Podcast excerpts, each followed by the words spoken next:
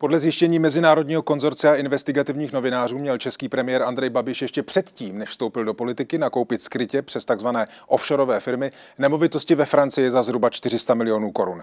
Jde o relativně běžnou obchodní praxi nebo o postup, který je pro politicky exponovaného člověka problém. A jak kauza takzvaných Pandora Papers zamíchá předvolebními kartami? Otázky pro Pavlu Holcovou, novinářku a zakladatelku projektu Investigace CZ, která na odhalování Pandora Papers spolupracovala. Dobrý večer. Dobrý večer. Andrej Babiš k těm i vašim zjištěním dnes kolem poledne říkal tohle. Eh, já eh, samozřejmě chápu, že je před volbami, že se to znovu opakuje, že je to taková náhoda.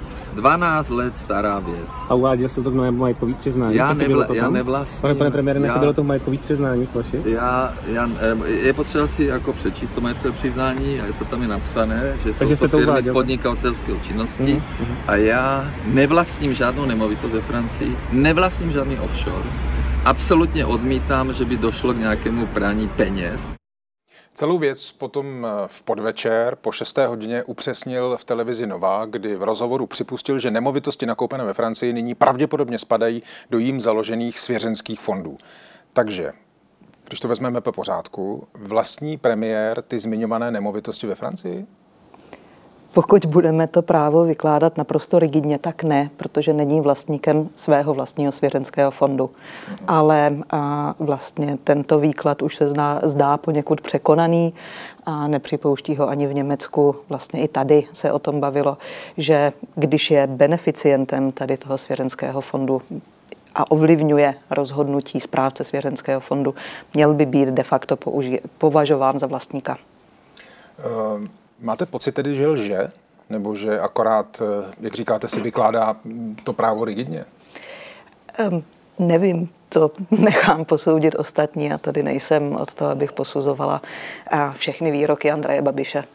To určitě ne. Na základě čeho jste vlastně přesvědčená, že ty nemovitosti, tedy vlastní, nebo alespoň firmy, které jsou v těch svěřenských fondech a že byly nakoupeny tím skrytým způsobem, tedy ne tedy tím standardním přes, dejme tomu, České banky a tak dále. Protože ke všemu máme dokumenty.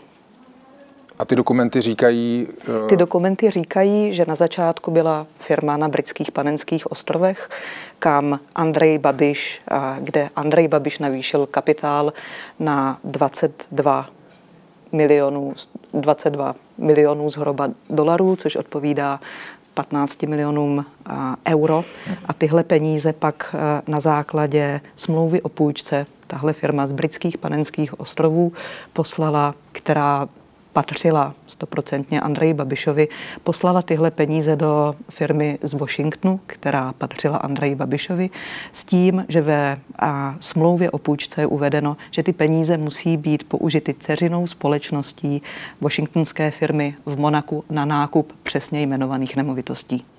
Mimochodem, vy na vašem serveru investigace.cz máte takový, řekl bych, graf nebo postup toho, jak vlastně ta transakce jako probíhala, to je tohleto. Vy jste to teď nějakým způsobem, z mého pohledu o něco jednodušším popisovala. Proč podle vašeho názoru ta transakce, která jinými slovy se jmenuje bohatý člověk, nakupuje nemovitosti, dejme tomu ve Francii, proč probíhala podle vašeho názoru takhle složitě?